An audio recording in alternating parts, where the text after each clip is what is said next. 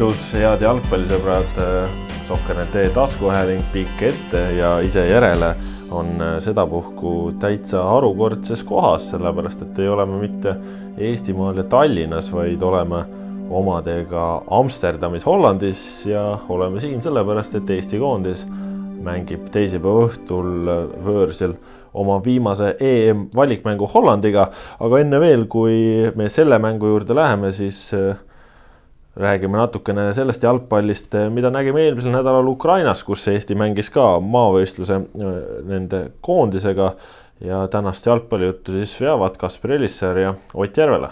ja tere, mõtle, kui tore oleks olnud, kui ikkagi oleks need mängud olnud vastupidi, et ennem Holland ja siis Zaporižje, siis me teeksime seda podcast'i praegu Ida-Ukrainast ja see oleks tõesti punk. Amsterdam on siiski selline noh, suht nagu selline soft jah, ma natukene kardan, et äh, kui me oleksime seda teinud äh, Zaporižjas, äh, kus õnnestus ka endal kohapeal viibida, siis tõenäoliselt see podcast eetrisse ei jõuaks, sellepärast et seal selle internetiga oli ikkagi tugevalt probleemne ja, ja seal ilmselt ei oleks varianti olnudki seda saadet üles laadida. Aga Ott, sina vaatasid Tallinnast, ma eeldan, et oma kodust äh, seda Ukraina mängu. see oli matš, kus Karel Voolaid andis võimaluse kõigile nendele meestele, kes seda võimalust vajasid, kes ei olnud seda saanud. ja tegelikult kõik oli justkui päris hästi viimaste minutiteni, kui veel tablool oli null-null, aga siis see null-null transformeerus null-üks kaotuseks ja, ja mida sina sellest äh, mängust nagu kaasa võtsid, mis su see emotsioon oli, äh, mis jäi prevaleerima ja, ja mis oli see mäng, äh, selle mängu juures see, mis sulle meeldis, mis ei meeldinud, mis sealt nii-öelda silma-kõrva jäi? no esmane emotsioon muidugi oli pettumus ja, ja noh, mul seal kodus ka ikka kuradid lendasid sinna teleka suunas igale poole mujale, kui see üheksakümne teise minuti kiilakast see värav sinna sisse lendas, on ju sest et säärane asi noh, on, on jalgpallis paraku alati äh, noh, tülgastav ja eriti veel, et see juhtus nüüd juba sel aastal Eesti koondisega teist korda, sest kodumäng Valgevenega läks samamoodi üle aja väravanahka. lisame veel sinna Põhja-Iirimaa kodumängu, kus eduseisust äh, mäng kaotati. et noh, sellised, äh, sellised nagu noh, need on väga nörritavad kaotused on ju, et see oli kahtlemata see esmane emotsioon nüüd, kui sellest esmasest pettumusest üle olla ja vaadata suuremat pilti, äh, mis, äh, kus see, kus see mäng on ikkagi on ju maavõistlus, mitte valikmäng ehk punktid polnud mängus, äh, kus mängis Eesti poolt B-koosseis Ukraina poolt ausalt öelda isegi ju tegelikult oli ütleme A-koosseisu hõngu natukene rohkem kui Eestil, kuigi ka neil noh, eelkõige siiski vahetuskoosseis äh,, siis siis, siis ma olen nüüd siin mõne päevaga jõudnud enda peas nagu sellise tõdemuseni, et et ilmselt oli tegemist äh, ja mitte ilmselt, vaid päris kindlasti oli tegemist äh, Karel Voolaidi peatreeneri aja kõige õnnestunuma mänguga Eesti koondise poolt. ma mõtlen just äh, ka sellest vaatevinklist, mis nagu noh, Voolaid, kuidas, kui see Voolaid ise õnnestus peatreeneriga. sellepärast, et noh või anda Ukrainale ja ma rõhutan, Ukraina on praegu Euroopa top kümne satsi seas, seal võib, võib nagu vaielda siia või sinna, aga mänguliselt võttes nad on praegu Euroopa top kümme sats. Nad võitsid Portugali kuu aega tagasi kodus, Portugali. Nii et, et anda neile igati väärikas lahing, tõsi, esimene poolaeg oli kehvem, teine oli jällegi palju parem, võistkonnaga, kus äh, on kaks meest, kes teevad oma teise koondise mängu, Matvei Igonen ja Märten Kuusk, väravvaht ja keskkaitsja. kus sul on ikkagi äh, keskväljal noh, koondise mõistes ikkagi vägagi kogenematud Vladislav Greida, Mihkel Ainsalu äh,. samuti ega ju ka Frank Liivakul, noh, tal on seda koondise kogemust küll, küll pikema aja vältel, aga viimasel ajal ikkagi vähe. et ähm, ja, ja siis veel lisaks ma tooksin välja ka selle, et, et noh, olid võistkonnas on ju põhikoosseisus Sander Puri ja Henri Anier, kes äh, kumbki polnud Voolaidi käe all seni kummaski laagris osalenud. ehk et nemad olid selles mõttes jällegi uued tegelased, ehk et suuta äh, see eksperimentaalne koosseis äh, kahe päevaga, tegelikult esmaspäeval koguneti, neljapäeval mängiti, kaks päeva oli vahepeal, kahe päevaga kokku sulatada tervikuks, mis suudab anda Ukrainale adekvaatse ja väärika lahing, lahingu, see oli minu meelest saavutus. ja, ja noh, muidugi see kaotus nörritab ja, ja kokkuvõttes on see, et noh, seis on see, et Voolaidil on viiest mängust kirjas üks null null viik ja neli kaotust ja üks värav on löödud, on ju. aga, aga ma nagu jällegi jah, sellise elu, elupõlise optimistina, kes vaatab, et klaas on pooltäis, siis tõden, et see mäng tegelikult ei olnud üldse paha, see oli isegi päris hea no minu jaoks äh, see mäng äh, noh, oli esimesel poolel selline, et, et, et sa vaatad äh, ja sa näed, et no ründevarianti ei ole, et, et see palliga ülesehitus, noh, ta puudus nii totaalselt, aga, aga samas selle juures arvestades kogu seda palli valdamist, mis oli Ukrainal, et Ukraina ei suutnud muutuda ohtlikuks sest no ega nad väga Eesti karistusalasse ei pääsenud, siis minu mõte nagu läks päris mitmel korral selle peale, et et noh, kui me vaatame, kuidas, ma ei tea, Diego Simeone edu saavutab, kui, me vaatame, kuidas Jose äh, Mourinho on oma edu saavutanud, siis äh, kahtlemata see on selline äh, mäng, kus ütleme, et fännid alati nagu väga rahul ei ole. aga samas, kui ütleme, et kui lõpuks tuleks tulemus, et kas me siis viriseksime, et et noh, muidugi nagu Eesti inimesed on, on nii palju näinud telekast head jalgpalli, sest äh, kodusel jalgpallil pole väga palju kaasa elatud ja, ja ongi üles kasvatud ka võib-olla selle rahvusvahelise jalgpalliga, siis on ootused on alati hästi kõrged. minu meelest on ootused praegu, tegelikult alati ei ole hästi kõrged ja, aga praegu on Eesti koondise häda see, et no ikka seda, seda rõõmuhetke pole ikka neetult kaua olnud tegelikult sel aastal nagu sellist rõõmuhetke ju ei olegi olnud. et äh, noh, võõrsil võit Gibralt-, tähendab noh, jaanuari maavõistlused, need ei ole see koht, seal mängitakse noh, B ja C koosseisu vahelise asjaga. Äh, üks-null võit Gibraltari üle mingi marutuulisel Victoria staadionil, noh, ei ole see koht, millele rõõmustada. ja null-null viik Minskis Valgevenega oli hea tulemus, aga nüüd otsest rõõmu ei tekitanud, aga rahulolu küll, aga sellist nagu noh, rõõmu emotsiooni pole kahjuks koondis sel aastal pakkuda suutnudki. pärast seda Soome võitu. jah, ja, ja, ja ilmselt äh, selle pealt ongi ka Tekib inimestel, inimestel. kriitika meel, kriitika süveneb, see on täiesti arusaadav ja inimlik. ja, ja inimestel ongi sellepärast ilmselt ka raske vastu võtta nii-öelda häid kaitselahinguid, sest äh, no minu jaoks on ikkagi koondise probleemiks siin äh, viimastes mängudes olnud meeskondlik kaitsemäng ja, ja see Ukraina vastu olukorras, kus meeskond oli noh, totaalselt kokku mängimata mm, -hmm. suutis seda teha, see oli minu jaoks nagu vau, äge, sest äh, sest äh, noh, nendes eelmistes mängudes ikka see tsenderduste kaitsmine ja, ja kuidagi nagu isiklikke ja individuaalseid fopaasid oli, oli nii rämedalt palju, et nüüd ei olnud seda ja, ja see mulle meeldis. meeskonna keskendutus oli, oli väga heal tasemel tegelikult. oli küll, jah. kui, kui Ukrainal tekkis ikka head võimalused, tekkisid need nende enda meisterlikkuse, mitte Eesti mängijate selliste noh kuidas öelda, keskendumishäirete pealt ja noh, see on asi, mida tuleb paraku jalgpallis aktsepteerida, kui vastane on meisterlikum, siis ta on. Ja noh, aga noh, see Ligonen tõrjus neljandal minutil väga tähtsa tõrje kohe tegi ja, ja noh, see nagu aitas Eestil kohe alguses mängus, mul tunne, sellise hea emotsiooniga üles saada ja eks sealt mindi edasi, et, et noh, kokkuvõttes nagu selline jah, minu meelest nagu igati väärikas lahing ja ma tõesti arvan, et see oli Voolaidi ametiaja seni kõige õnnestunum mäng. Aga Ott, ma enne mängu ristisin selle selliseks ujumiseksamiks ja, ja pärast mängu Karel Voolaidilt küsisin ka, et kui paljud siis nii-öelda pinnale jäid, kui paljud põhja vajusid, ta väga otse sellele ei tahtnud vastata.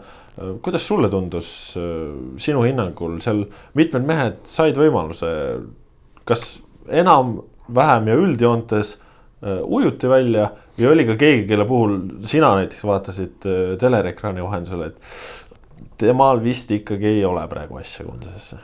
Seda ei vaadanud, oli ilmselge, et Mattias Käidi jaoks oli see mäng väga keeruline, aga me teame, et tema puhul on noh, väga objektiivsed asjaolud. et tal on koduklubis praegu mängu ajata ja, ja see oli noh, selgelt tema esitustest näha äh, just nimelt see krõbelisus selles palliga mängus, samas äh, noh, jällegi tema see üldine liikumine ja, ja, ja see pool on tal jätkuvalt ju tasemel, et see nagu noh, selle, see, see, see nagu ära ei kao. ja, ja mis muidu puudutab, et kas ujusid välja, siis tead sa, minu meelest isegi võiks öelda, et kõik ujusid välja. jah, Frank Liivak on saanud internetis nagu tohutult mingit noh, mitte tohutut, aga no korralikku hunniku sellist irvitamist, et ta selle avapoolele selle hea šansi eel kukkus põhimõtteliselt iseenda jala otsa, mis noh oli koomiline, aga, aga noh, kaugelt, kaugelt vaadates, aga noh, muidugi mäng enda jaoks väga selline ebameeldiv.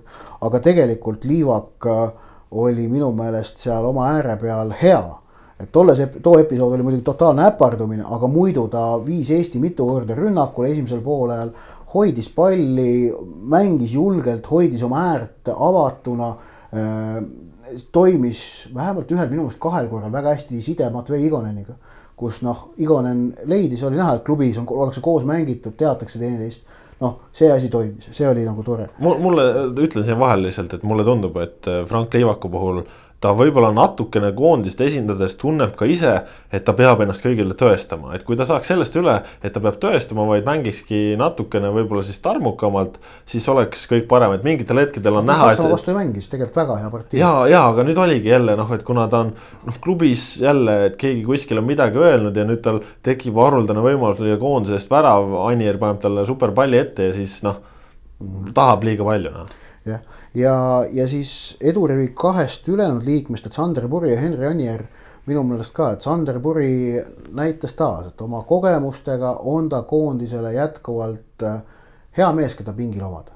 Äh, et kui, kui noh, näiteks oletame, et homme Hollandi vastu on seis see, et sul on kaheksakümne teine minut käimas ja mingi ime läbi on Eesti noh, viigis kinni. ja sul saab ääreründaja vigastada sellisel hetkel. ja, ja noh, Sander Puri sellisel hetkel platsile saata oma kogemuste, mängutarkusega äh,.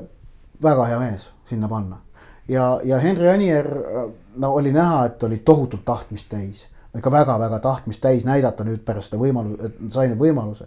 et noh, paaris korras, paaris, paaris episoodis ka pingutas nagu üle või, või tahtis liiga.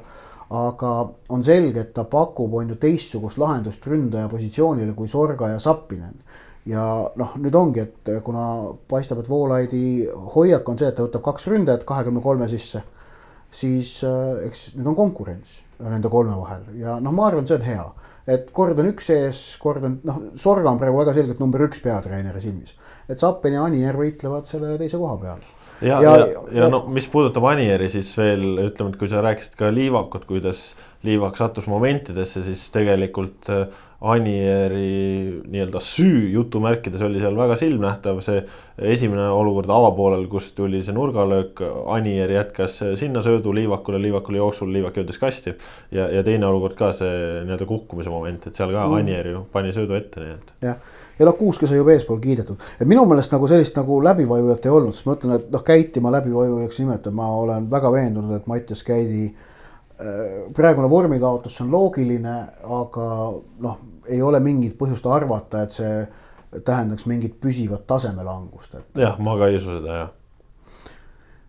et äh, selles mõttes jah, nii niisugune Ukraina mäng oli. no siis läheme siit edasi selle peale, mis meid ootab ees teisipäeval valiksarja. Viimane kohtumine Hollandiga, Holland siis nädalavahetusel kindlustas omal edasipääsu. Ehk siis üle kahe suurturniiri nüüd kolmandal katsel jõutakse finaalturniirile järgmisel suvel selleni viis neid äh, võõrsil tehtud väravateta viik Põhja-Iirimaaga. vaatasin ise ka täispikkuses seda mängu.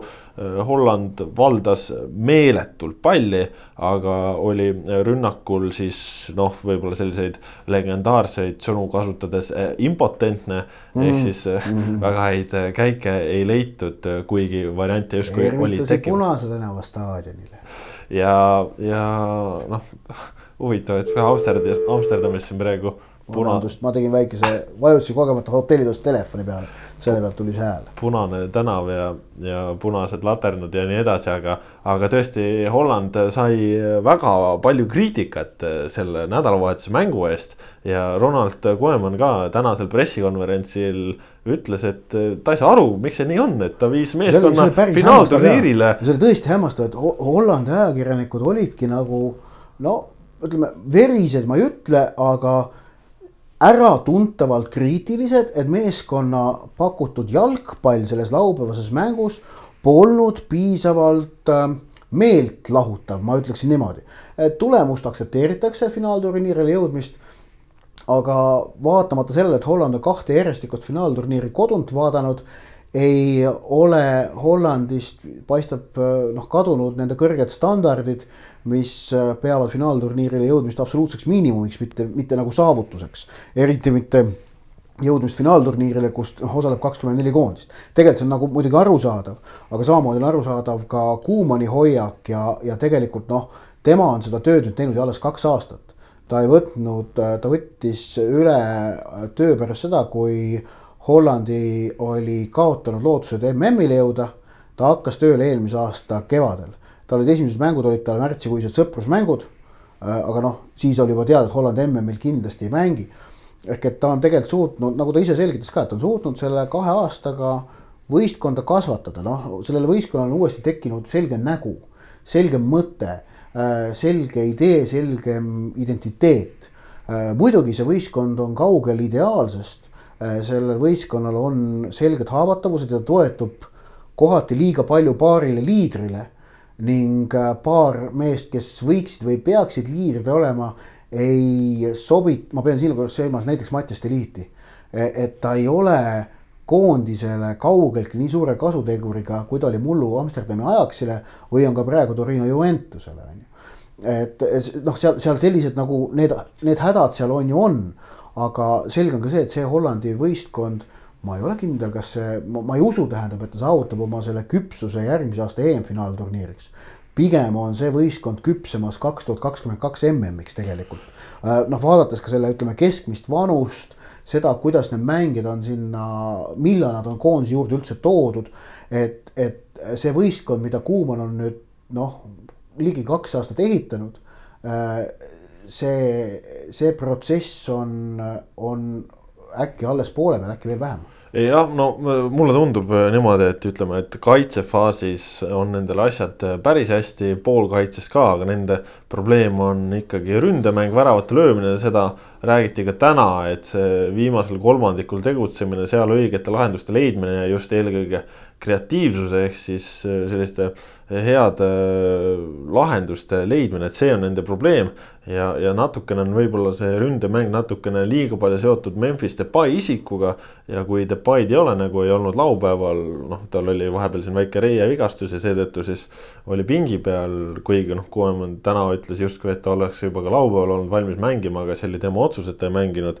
ta si homme mängib. jah, siis äh, noh, võib-olla see on seal nagu üks selline mureallikas, aga Ott lähenedes nüüd äh, Eesti äh, perspektiivist, siis äh, ega vist noh, vaevalt, et, et Karel Voolaid siin algkoosseisus nüüd ülemäära suuri üllatusi teeb ja, ja ta suures plaanis on selline, et väravas on äh, Sergei Leppmets kaitseliin paremalt, Taio Tõniste, Joonas Tamm, Karol Mets, Ken Kallaste, keskpoolkaitses kindlasti Ilja Antonov, Konstantin Vassiljev, üks koht seal lahtine, selle juurde jõuame. tipuründes Erik Sorga, vasakul äärel Hendrik Ojamaa, paremal Sergei Ženjov.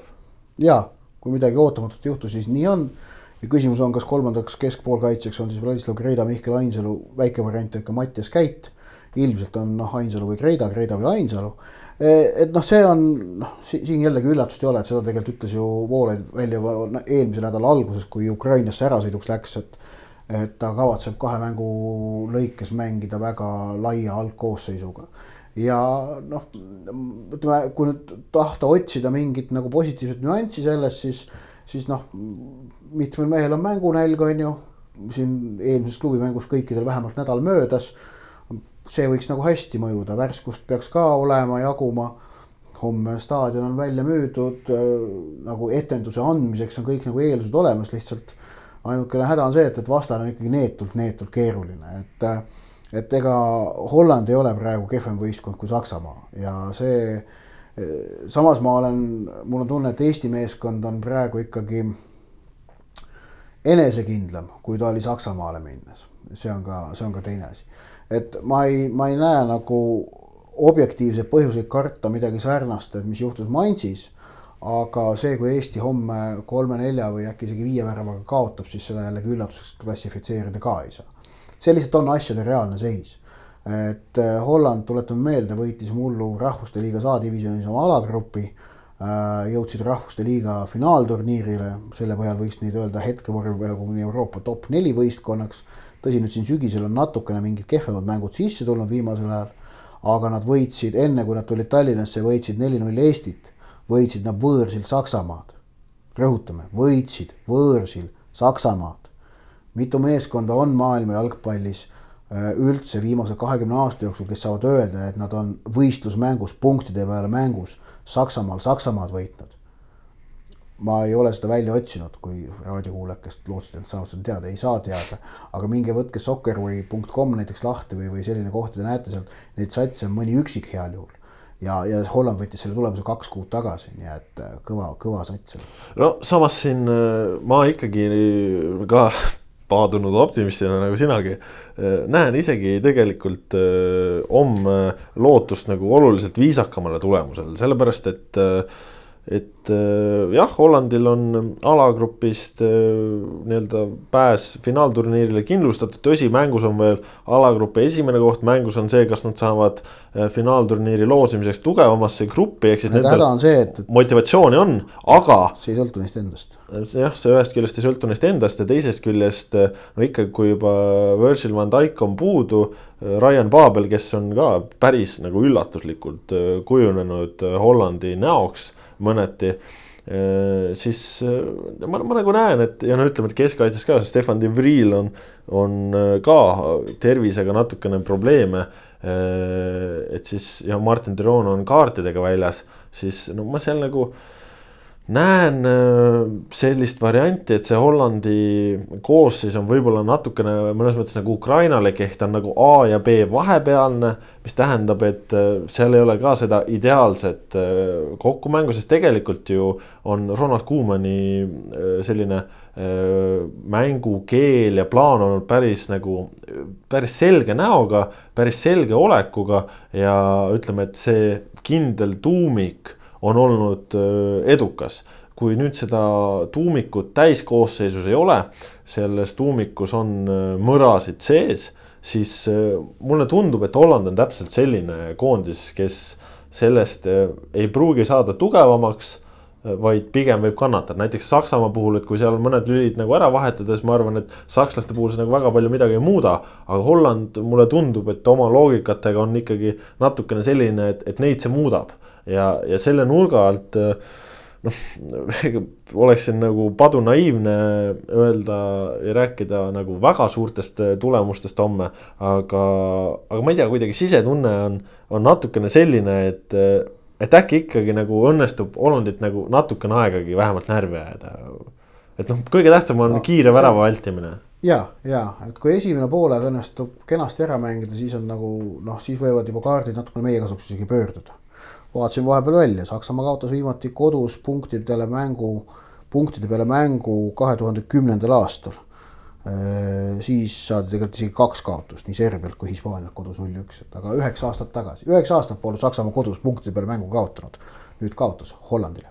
jah, see tähendab, et, et meil on väga kõva vastane ees ootamas, aga Ott, see, see keskvälja arutelu ka veel korraks mm -hmm. siit mhm. läbi, et kes, et kes vaatas Sokkerneti Facebook live ülekannet, siis sealt juba sai kuulda ka, et sina pigem pakuksid sinna keskele kolmandaks Ladislav Kreidat, mina pigem Mihkel Ainsalut, räägi, miks võiks minu loogika Kreida? pigem Kreida kasuks on see, et, et, et no ütleme nii, tema karastamine on lähitulevikku silmas pidades täht tähtsam kui Ainsalu karastamine.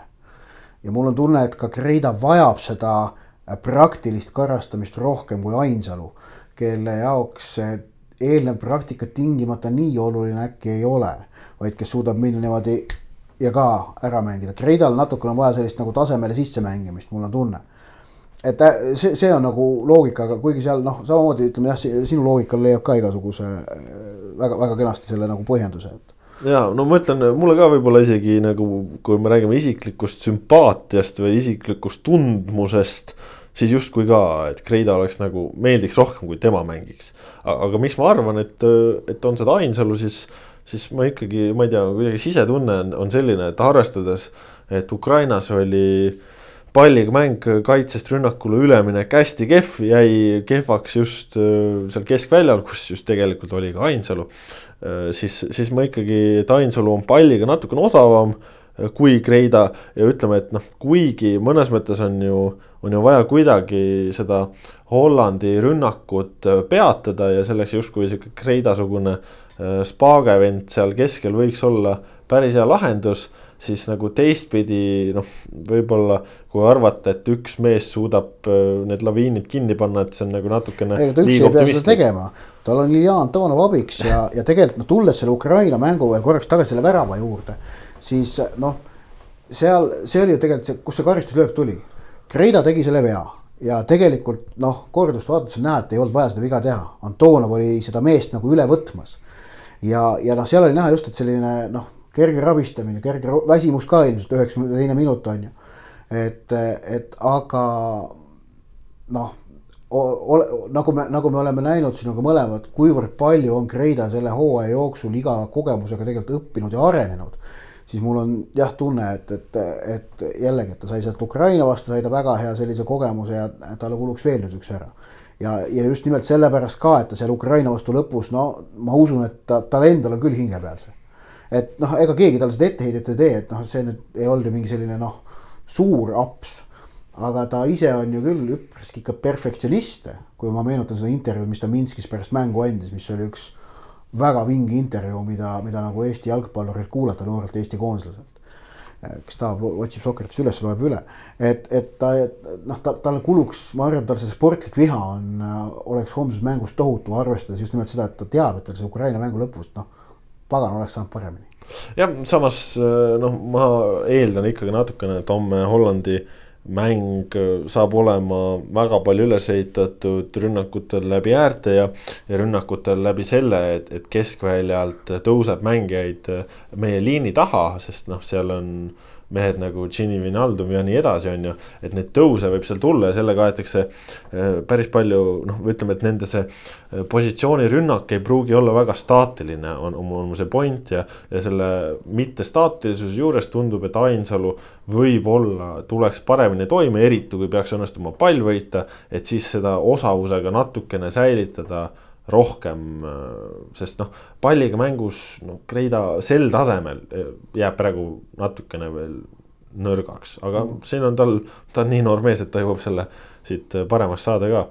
aga noh, saame näha, seda teisipäeva õhtu meile näitab, igatahes kahtlemata väga oluline saab see olema, just ka see palliga mäng ja, ja noh, tegelikult eks koondis on ju saanud valmistuda selleks Hollandi mänguks päris rahulikult, oli reedepäev, laupäev, pühapäev nüüd täna esmaspäeval mängueelne trenn siin nädalavahetusel tehti Hollandis vahepeal isegi kaks trenni päevas, nii et, et ma arvan, et, et see valmistamisrahu on olnud päris suur ja, ja ka tegelikult vaat värskuse taha ei tohiks küll teisipäeva õhtul midagi jääda. ja, ja kuna paljude meeste jaoks hooaja viimane mäng, siis on isu ka ilmselt suur. just, kas väike sihuke ootusennustus ka? ei no ma ennustasin, et noh, et noh loogiline tulemus minu jaoks, null kolm kaotus. jah, ma ei tea. ma ei, ma ei, ma ei taha öelda nagu. ei taha jaa, aga. ma ei taha öelda, et Eesti kaotab. jaa, aga vaata loogiline tulemus see on, oleme ausad vaatame Kihlve kontoritesse, need on teatavasti kasumlikud ettevõtted. ma, ma ütlen, ma, ma loodan, et ma annan kõigile Eesti koondislastele väga palju eneseusku juurde, aga aga ma loodan, et me teeme homme hea tulemuse, teie ise valite, milline on hea tulemus. no ma ei tea, kas nad peaksid meie saadet täna siin õhtul kuulama. homme kuulavad. enne mängu või? no miks mitte, ikka okay. tahad ju teada. selge, et kui okei okay., aga räägime natukene kaks sõna üldisest valiksarjast ka, sest see EM-valiksari äh, noh, lõpeb ka nüüd homme ära me lindistame siin nüüd esmaspäeval ennem kui esmaspäeva õhtused mängud on alanud, et siin mõned valikgrupid on veel nagu lahtised. aga tegelikult nagu suure kokkuvõtte selle EM-valiksarja kohta võib juba ära öelda ja, ja kokkuvõte on väga lihtne. üllatusi ei ole, no lihtsalt ei ole, vähemalt tähendab edasipääsjate osas üllatusi ei ole. muudel tasemetel üllatusi leiab. Kosovo enda alagrupi kolmas koht, üllatus ja Luksemburg edestab Leedut, üllatus on Äh, siis äh, vaatan natukene edasi, noh, noh. ütleme see Andorra neli punkti on üllatus ja, Islandi väljajäämine Prantsusmaa-Türgi vastu, no ei ole üllatus, kuigi asetus oli, asetus oli madalam, aga ei ole üllatus. Noh, et, et, et üll-, noh ja Soome on muidugi üllatus ja, ja siis on muidugi Soome üllatus no,, see, see on üllatus. see, no selle kõige peale ütles meie hea kolleeg Al, Al, Alvar Tiislel. Soome edestas on ju Kreekat ja Bosniat ja noh, jällegi on teada, et kummalgi nad ikkagi no midagi hiilgavat siin viimastel aastatel pole olnud. selles mõttes jälle otseselt nüüd mingi jättipotti üllatust ei ole pigem on see lihtsalt vinge saavutus, et sommid kolmekümne kolmandal katsel valikturniiri läbisid. jah, aga siin äh, Alvar Tiisler, meie hea kolleeg äh, Rahvusringhäälingust ütles selle peale, et äh, võiks see valik turniiri teha selliseks, et tugevusgruppe pole ja loos on vaba ja lähevad kokku need, kes lähevad, vot see oleks punk jaa see mõjuks värske õhuna, sest no praegu tõesti, ega need valikmängud, ega ka kui me siin valime, millist mängu täna õhtul vaadata, siis see valik on väga lihtne, sest üks mäng, kus midagi reaalselt kaalul on.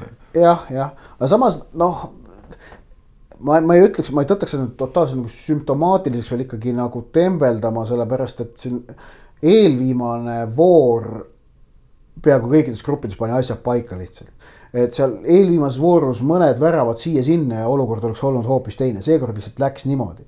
et, et jällegi, kui me meenutame jällegi äh, nelja aasta tagust EM-ile kvalifitseerumist, kui oli ka kakskümmend neli kohta mängus, toona mindi play-off'i natuke teise mudeliga siis oli äh, noh, lõpus seda sigimist, sagemist ikka tohutult jällegi ja see oli väga-väga kütkestav, väga huvitav, väga põnev.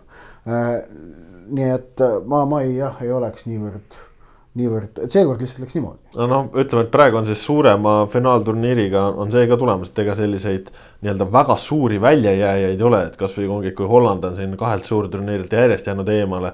Itaalia on siin vahepeal olnud väga raskustes, nüüd tuleb ikkagi no tippude tippturniir. ja, ja, ja, ja, ja, ja lihtsalt selline huvitav jalgpalliuudis ka siia, mis on nagu täiesti selline out of the box, aga, aga mu, et äh, oleme harjunud, et Aasia jalgpallis on Iraan üks selliseid juhtivaid jõude on, on muutunud üpriski tõenäoliseks stsenaarium, et Iraan ei pääse Aasia valikturniiril isegi sinna lõppfaasi ehk kaheteistkümne parema sekka.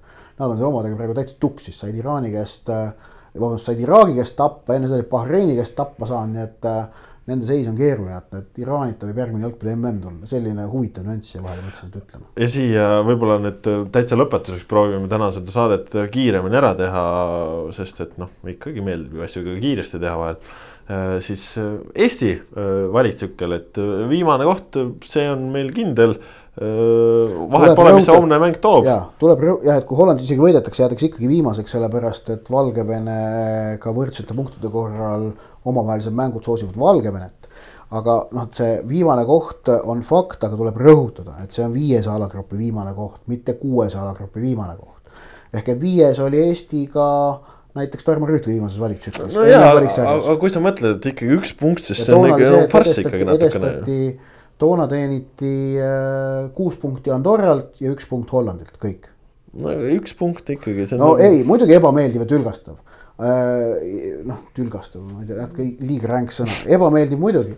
ja noh, see, et Valgevene ja Põhja-Iirimaa käest noh, ütleme, Põhja-Iirimaa käest kodust oleks pidanud vähemalt punkti kätte oleks saama. pidanud jah ja, ja samas Valgevene kohta ma ütlen, et see neli-üks punktide jaotus kahe mängu kokkuvõttes oli noh, laias laastus vist õiglane, äkki oleks saanud kaks-kahe kuidagi kätte, et noh, mõlemale, mõlemad mängud viiki.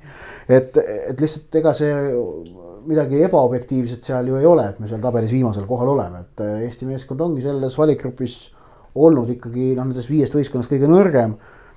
ja noh, siit tuleb lihtsalt nüüd, aga mul on jah see komme küll, et, et mineviku halamise asemel noh, minevikku võib analüüsida, aga siis tuleb nagu tulevikku vaadata, aga halada pole mõtet. aga vaatame siis tulevikku, Karel Voolaid nüüd kolmas valiktsükkel ja küsimus väga lihtne. koondise aken kas..., mitte valiktsükkel. jah, koondis, kolmas koondise aken, et kas see on Karel Voolaidi viimane mäng Hollandiga Eesti koondise peatreenerina või ei ole, jah, ei küsimus, jah, ei vastus no tähendab, me võime siin selle väikse uudise ka poetada ju välja, et meie andmetel seda otsust muuseas noh, nüüd kohe lähipäevadel me teada ei saa. et see otsus peaks tulema de detsembri keskpaigas, viieteistkümnendast detsembriks on meie teada mingi selline tähtaeg jalgpalliliidus paika pandud, millal selle asja ära otsustavad. ja selleks on ka võimalus noh, puhtalt põhjusel, et järgmise koondise aknani, korralise koondise aknani on aega palju, see on märtsis märtsi lõpus. märtsi lõpus, äh, noh, võimalik, et jaanuaris tulevad need tava, nüüd juba traditsiooniks saanud Kataris mingid maavõistlused või sealkandis. noh, võib-olla tulevad, võib-olla ei tule. pigem ebatõenäoline vist.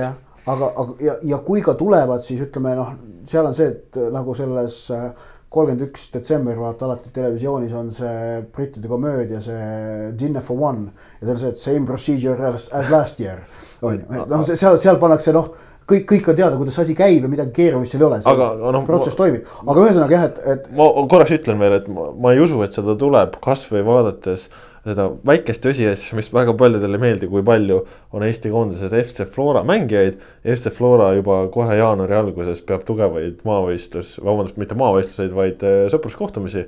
seal vist juba seitsmendal, kaheksandal jaanuaril, nii et ma ei usu, et äh, koondis koguneb mm. -hmm.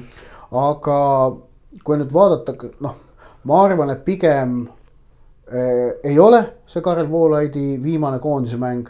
tõsi, kui homne mängu, kui homse mängu tulemus osutub mingiks katastroofiks, siis on muidugi jalgpalliliidul keeruline talle uut äh, lepingut pakkuda või oluliselt keerulisem.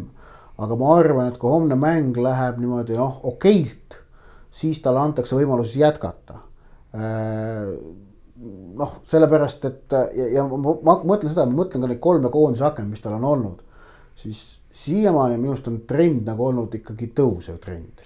et teine aken oli parem kui esimene ja see Ukraina mäng oli parem kui äh, Saksamaa mäng või Valgevene mäng mina ütleks niimoodi, et äh, ma oleksin pettunud, ma täpselt niimoodi ütlengi, ma oleksin pettunud, kui Karel Voolaid ei saa võimalust jätkata Eesti koondise peatreenerina, sellepärast et ma ei näe, mida võiks äh, aidata praegu veel üks muudatus, sest äh, koondise mängus on selgeid paranemismärke, seda ütlevad mängijad seda näen ma kõrvalt, koondise palliga mäng on oluliselt edasi läinud ja, ja tulla nüüd keset valitsüklit ja loota, et sa nüüd võta Hollandilt ja Saksamaalt mingeid punkte, no see on noh, uina-muina ja isegi, et kui see okei okay,, et sul on see kaks mängu seal Valgevenega, et võta siis sealtki need punktid, see ei ole nii lihtne.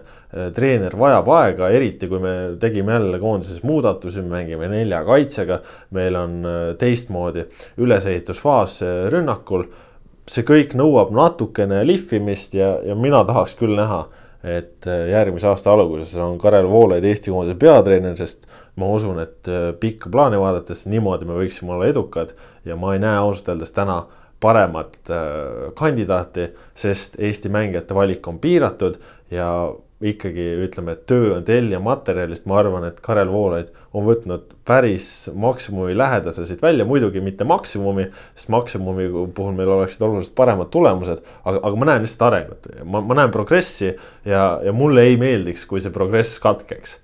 põhimõtteliselt nõus sinuga vot, äh, tõmbame siit äh, tänaseks otsad kokku. seinast välja. jah, äh, Sohkaneti Amsterdami stuudio Ott Järvela hotellitoast paneb siis tuled kustu ja, ja saame siis näha, milliseks see teisipäeva õhtune koondismäng kujuneb, loodame, et ta toob meile midagi positiivset. jah, loodame. ja kui ei too, siis ei too. siis. Räägime sellest järgmisel nädalal. siis varsti tulevad jõulud siis tulevad jõulud ja loodame, et jõuludeks tuleb midagi head. aga aitäh, et olite meiega, Kaspar Elisser, Ott Järvela tänavad teid, kui teil on meile järgmisteks saadeteks küsimusi, teemasid, midagi tahate, et me arutaksime, siis andke teada, saat-, saatke meile kirju, saatke meile Facebooki sõnumeid sotsiaalmeedias, Twitter, hashtag pikk ette, Sokkeneti foorum, mida iganes, sest siin tuleb nüüd selline periood, kus jalgpallurid eestlased lähevad puhkusele Äh, teemad äh, valguvad natukene maha, aga kindlasti alati jalgpallis tulevad uued asjad peale, nii et kahtlemata juttu meil jätkub. aga kui te tahate meid suunata, siis on teil selleks võimalus. aitäh, et olite, kuulmiseni, adjöö. tšau, Blau.